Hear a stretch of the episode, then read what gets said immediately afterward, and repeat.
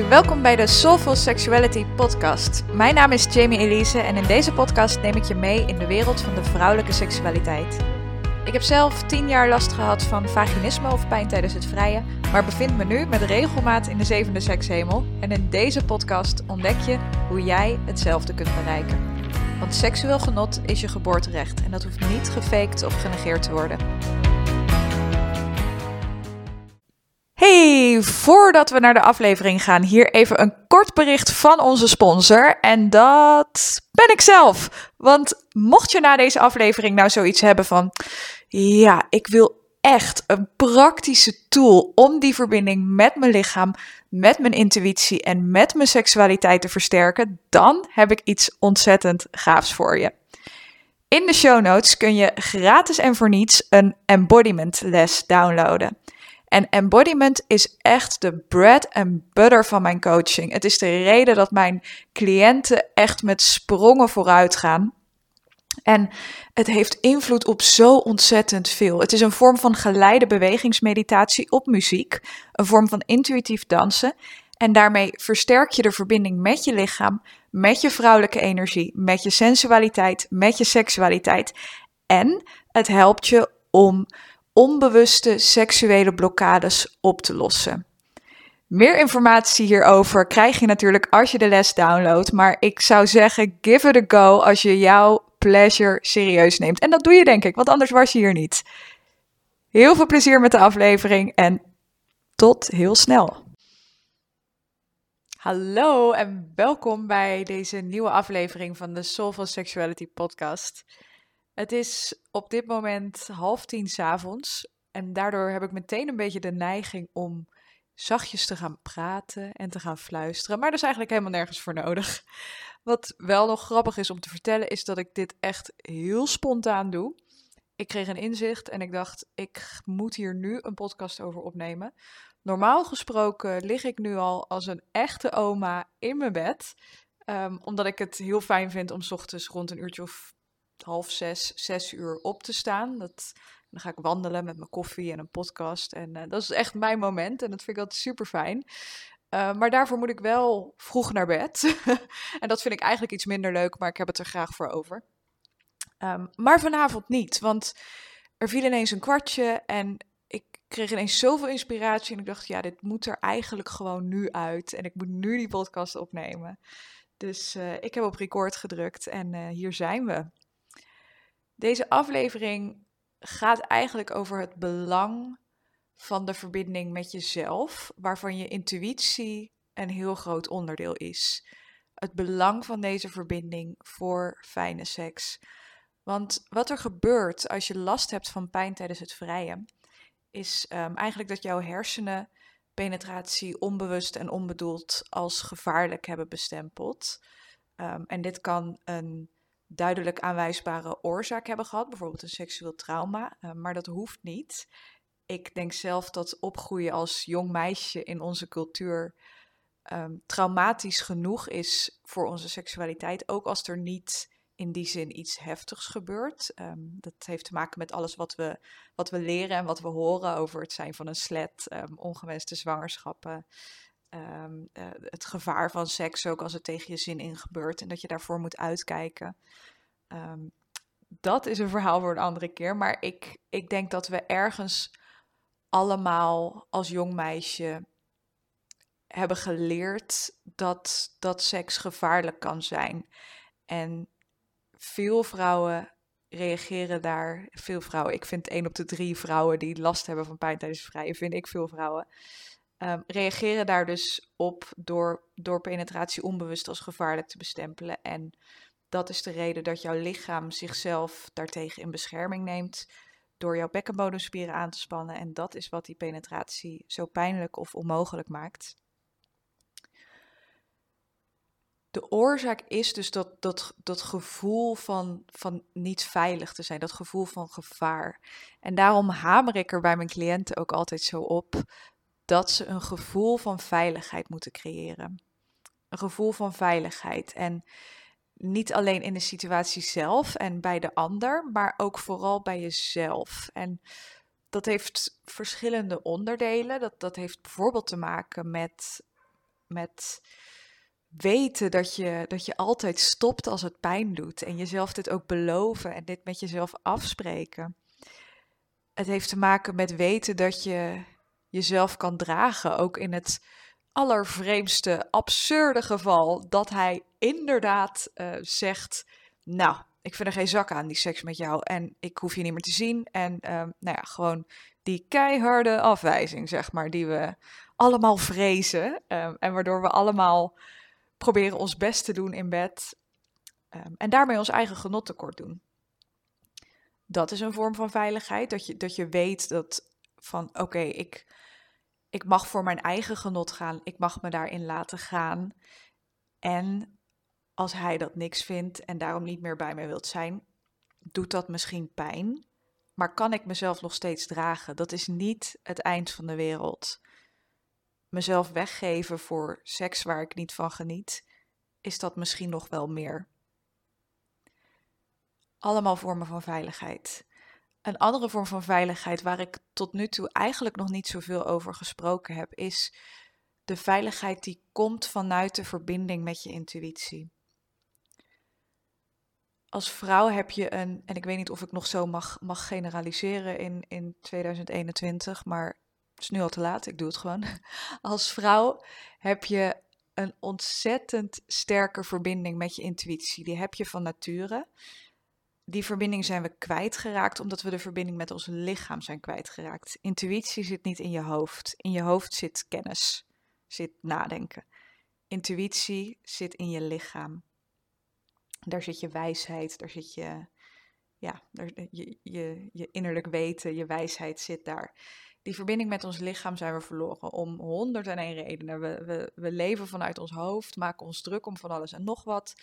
Um, we leren dat ons lichaam er op een bepaalde manier uit moet zien. En dat we er dus niet naar moeten luisteren door het bijvoorbeeld um, uit te hongeren. Dat is misschien een extreem voorbeeld, maar je snapt wat ik bedoel. Er is bijna geen vrouw die op deze aardbol rondloopt, um, die nog nooit op dieet is geweest. Met uitzondering van mijn moeder, wat het trouwens onwijs bijzonder maakt dat ik een eetstoornis ontwikkeld heb ooit in een, uh, een, tijd, een tijd geleden. Maar dat is een, een heel verhaal voor een andere keer. We verbreken die verbinding met ons lichaam dus door, door het af te straffen omdat we het willen vormen op een bepaalde manier. We gaan sporten terwijl we moe zijn. Um, we, we, eten niet terwijl we honger hebben of we eten te weinig. Um, we, gaan, we negeren ons lichaam als het moe is. Um, we gaan gewoon op stap terwijl we moe zijn. Toen dat allemaal nog kon natuurlijk. Hopelijk kan het snel weer. we, we, we, werken keihard door. We, ja, we, negeren ons lichaam zo vaak dat we die verbinding daarmee eigenlijk zijn verloren en daarmee ook de verbinding met onze intuïtie. En dat is zo zonde, want jouw intuïtie kan jou in iedere situatie perfect vertellen of jij veilig bent of niet. Of het veilig is om je open te stellen, om je over te geven of niet. En dat openstellen en die overgave is nou juist wat zo noodzakelijk is voor een fijne seksuele ervaring. Het moment van penetratie is een ontzettend kwetsbaar moment. En de reden dat penetratie niet, niet werkt of niet fijn is, is dat je je niet kunt overgeven, dat je je niet kunt openstellen, dat je de controle niet kunt loslaten. En een heel belangrijk aspect om daar verandering in te brengen is dat je dat gevoel van, van veiligheid creëert bij jezelf. En hoe veilig is het om te weten dat jij altijd op jouw gevoel kan vertrouwen wat betreft de vraag of je veilig bent of niet. Ik zal, het, uh, ik zal even dit met een voorbeeld uh, verduidelijken. Ik was uh, een paar dagen geleden was ik met mijn met, met, met, met mijn hele grote zware boodschappentas was ik aan het lopen. En in mijn andere hand had ik uh, zo'n water. Ja, je kan hier in. Ik woon in Malaga en daar kan je. Je kan wel uit de kraan drinken, maar ik doe het liever niet. En omdat ik niet iedere keer water wil halen van die flessen, haal ik zo'n grote. Hoe noem je dat? Een jar. Een, uh, nou ja, je snapt wat ik bedoel, zo'n grote fles. Nou, dat was best zwaar, kan ik je vertellen. En nou ben ik natuurlijk een sterke, onafhankelijke vrouw, zoals we dat allemaal zijn. Een houding die in de slaapkamer overigens totaal niet van pas komt. Maar dat is wederom een verhaal voor een andere keer. Dus nou ja, goed, ik liep daar en ik dacht, ik kan dit gewoon dragen. Toen kwam ik een uh, man tegen, een man, een jongen van in de dertig, die uh, ook bij mij in de flat woont. En hij bood aan om, hij ging ook naar huis, hij bood aan om mijn spullen te helpen dragen. Om die jar met water te dragen. In dat moment had ik ervoor kunnen kiezen om te zeggen: nee hoor. En dat, weet je, dat was eigenlijk mijn eerste reactie. Dat was eigenlijk wat ik vanuit een soort automatisme wou doen. Van nee hoor, dankjewel. Um, ik, het lukt wel. Ik heb, ik heb het beet. Het komt goed. Ik, uh, dankjewel. In plaats daarvan nam ik zijn aanbod aan. Zeg ik, nou ja, eigenlijk heel graag. Dankjewel. En dat werd zo'n uitwisseling van, van cadeaus. Ik kan het niet op een andere manier omschrijven. Het was zo'n fijn moment, want ik hoefde die zware dingen niet meer te dragen. En ik zag hem echt groeien. Echt, hij ging een beetje rechterop staan. Hij werd wat langer. En het was verder niks seksueels. Er was geen aantrekkingskracht. Het was puur. Hij werd gezien in zijn mannelijkheid. En dat was, dat was op dat moment echt een cadeau voor hem. Ik werd gezien in mijn vrouwelijkheid. En niet omdat ik slap ben of zwak en omdat ik het niet kon dragen, maar omdat ik me op dat moment kon openstellen voor hem en kon overgeven. Ik hoop dat dit nog, dat het nog te volgen is en dat het niet een te vaag verhaal wordt. Maar dit is een, een uitwisseling die we in het, het postfeministische tijdperk waarin we allemaal zijn opgegroeid, een beetje hebben afgeleerd. Ergens onderweg hebben we per ongeluk besloten dat gelijkheid tussen man en vrouw betekent dat we hetzelfde moeten zijn. Gelijkheid is fantastisch. Gelijkheid is nodig. Gelijkheid, we zijn er ook nog lang niet wat gelijkheid betreft. Dat, dat zie je al aan, aan het verschil tussen genieten van seks. Waarom zijn er zoveel meer vrouwen die niet van seks genieten dan mannen die niet van seks genieten? Wat betreft gelijkheid zijn we er nog lang niet. Maar dat betekent niet dat we hetzelfde zijn. Dat we dezelfde kwaliteiten hebben. Dat we dat, dat ons, onze innerlijke radiance van dezelfde dingen gaat stralen. Dat we met dezelfde dingen gevoed worden. Dat we, dat we dezelfde, dezelfde dingen willen in het leven. Nee, en het zijn juist onze verschillen die ons zo mooi maken. En het zijn juist ook onze verschillen waarmee we elkaar dit soort cadeaus kunnen geven. En waarmee we elkaar kunnen voeden. En waarmee we zulke mooie momenten kunnen creëren. Of ze nou seksueel zijn of niet. Want nogmaals, dit was echt geen seksueel moment. Ik was echt absoluut niet tot hem aangetrokken op die manier. Maar het was wel een heel mooi moment. Hij hielp mij, ik hielp hem. Wat dit, dit hele verhaal met, uh, met mijn intuïtie te maken heeft, is dat ik hem het cadeau van mijn openheid op dat moment, van mijn energie, van mijn dankbaarheid, van mijn echt met een open hart, oh, dankjewel, ja, het, het, het echt met een open hart aanbieden. Dat had ik niet kunnen doen als ik vanuit mijn intuïtie had gevoeld dat hij geen zuivere bedoeling had. Dat er misschien iets achter zat. Als dat zo was geweest, had ik dat met mijn intuïtie kunnen voelen. En had ik misschien wel dat besluit gemaakt om te zeggen van joh, dankjewel, maar ik draag het zelf. En daarmee bedoel ik niet dat hij, dat hij me een steegje in wou sleuren, maar dat, dat kan al een bedoeling zijn dat hij dacht van oeh, en dan misschien uh, bij de voordeur of, uh, of misschien door, maar door telefoonnummer, terwijl ik dat niet wil.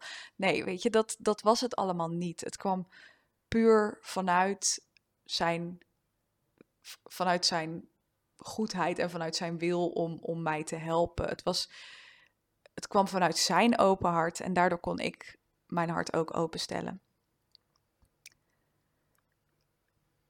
Als jij weet dat jij voor dit soort momenten op jouw intuïtie kan vertrouwen, wordt het zoveel makkelijker om je in de slaapkamer ook open te stellen. Het wordt op dat moment ook zoveel makkelijker om dat brein uit te zetten je bent niet meer bezig met of je het goed doet. Um, dat, spoiler alert, goede seks bestaat niet, echt niet. Het enige wat bestaat is fijne seks. En hoe dat eruit ziet is voor iedereen anders. Goede seks bestaat niet. je, je, je bent daar allemaal niet meer mee bezig. Je bent er niet meer mee bezig uh, hoe je erbij ligt, uh, hoe het er allemaal uitziet. Het enige waar jij mee bezig bent is of het goed voelt. Of wat je aan het doen bent fijn voelt voor jou. Dat begint dus bij het moment, voelt het goed voor mij om nu hier met hem mijn kleding uit te trekken? Om nu hier met hem mee door te gaan. En het, als dat niet goed voelt, dan kan dat honderdduizend en één redenen hebben. Dan hoeft dat niet per se iets met hem te maken te hebben of, of te betekenen dat hij geen goede vent is. Nee. Kan puur met jouw gemoedstoestand te maken hebben. Misschien ben je er nog niet klaar voor. Misschien, nou ja, weet je, honderd en één redenen. Daarnaar luisteren en dat gevoel eren. In plaats van er tegenin te gaan, omdat je bang bent dat je hem teleurstelt, omdat je bang bent dat het gek is om, om halverwege te zeggen: Oh nee, ik wil het toch niet. Um, omdat je bang bent dat hij je afwijst. Um, als je hem misschien heel erg leuk vindt en denkt: van ja, als ik nu zeg dat ik geen seks met hem wil, dan wijst hij me misschien voor goed af. Als je in plaats daarvan begint met dat gevoel te eren dat vanuit je lichaam komt, in plaats van dat je luistert naar dat hamsterwiel in je hoofd, wat je van alles probeert wijs te maken, dan ga je zo'n groot gevoel van veiligheid bij jezelf creëren.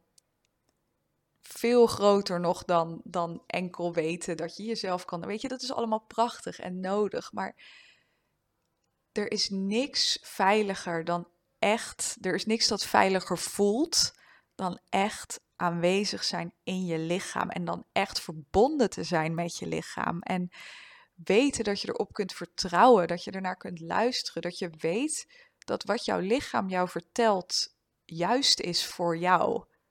Op dat moment. Misschien is het op een heel ander moment heel anders. Misschien heb je er drie dagen later ineens wel zin en wil je wel verder gaan. Helemaal oké, je lichaam zal het je vertellen. En als jouw lichaam merkt dat je haar niet langer negeert, dat je haar niet langer overruled met dat dominante brein van je, zal ze zich ook eerder en meer en beter kunnen openstellen op het moment dat je seks hebt met een partner. Weet je, het is. Het is seks is, is echt heel kwetsbaar. En ik heb het idee dat dat een van de vele dingen is die we een beetje. dingen zijn die we een beetje zijn vergeten. Weet je, we, we leven in een, in een maatschappij waarin seks aan de ene kant overal te zien is, maar waar er aan de andere kant nooit echt over gepraat wordt. Weet je, het moet allemaal. Uh, als, je, als je de Kamasutra niet uit je hoofd kent, dan ben je preuts. Maar als je het vervolgens wel met heel veel mensen probeert, ben je een slet. En het, het, het wordt allemaal heel. Alsof het alleen om die, om die geilheid draait. En om die standjes en om die. En alles wat erbij komt kijken qua gevoel, dat vergeten we even. En qua gevoel, daarbij maakt het echt niet uit of je op eenmalig avontuur gaat met iemand of uh, dat, je, dat je al jaren een relatie hebt. Seks is kwetsbaar. Helemaal voor een vrouw. Je geeft je over, je, je stelt je open, je stelt je kwetsbaar op en je nodigt die andere persoon uit in jouw lichaam. Hoeveel kwetsbaarder wil je dit hebben? Het, het wordt echt niet veel kwetsbaarder dan dat om dat dus echt te kunnen, is het zo belangrijk dat je met je lichaam verbonden bent.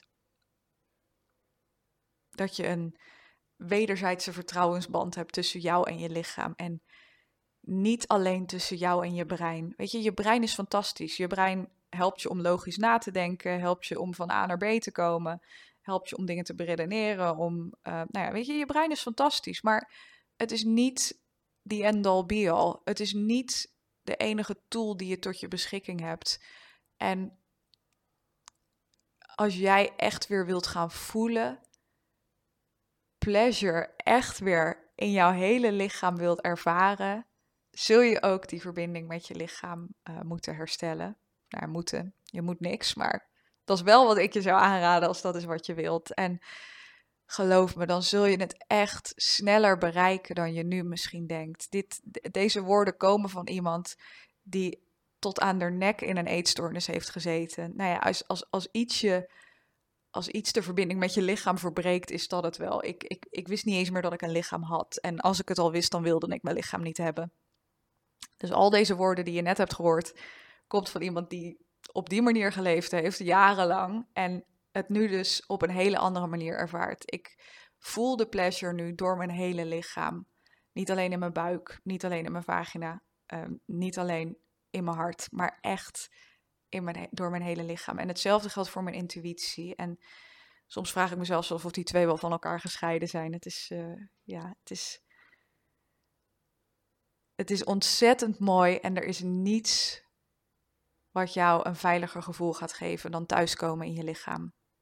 Dan samenwerken met je lichaam. Dus ik zou zeggen, begin te oefenen met in plaats van de ja en nee's in je dagelijks leven te beredeneren vanuit je hoofd, om ze te voelen in je lichaam. En niet alleen wanneer het op seks aankomt, maar oefen het ook gewoon eens in een dagelijks leven.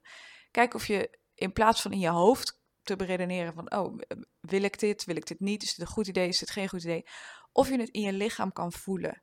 Denk aan de keus waar je voor staat en voel of je lichaam groter wordt, zich openstelt, of dat ze een beetje verkrampt en in één, in één krimpt. Ehm, wat, wat die laatste is dan natuurlijk de nee.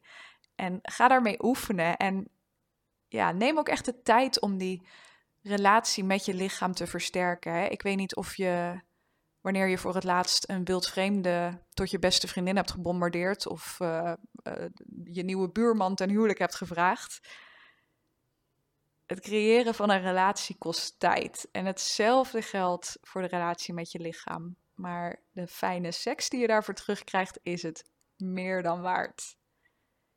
Heel erg bedankt voor, uh, voor het luisteren naar deze aflevering. Ik hoop dat die waardevol voor je was.